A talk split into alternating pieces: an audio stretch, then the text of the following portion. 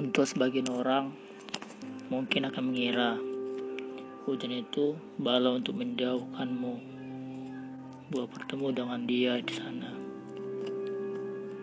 Padahal, asal kamu tahu ya, Tuhan romantis banget loh.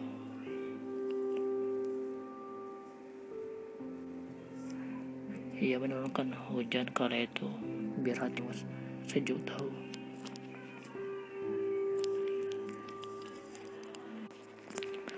Katamu, kau itu pecinta hujan. Ketika hujan runtuh di langit mataku, kau malah berteduh di perasaan seseorang. Itu hati atau berarti? Jawabku. Kau bisa sih melukai perasaan? Katamu yang tapi rasa yang ku dapat bersikap selalu seperti benda. Walau kata orang sih, bukankah setelah hujan turun akan ada indahnya pelangi?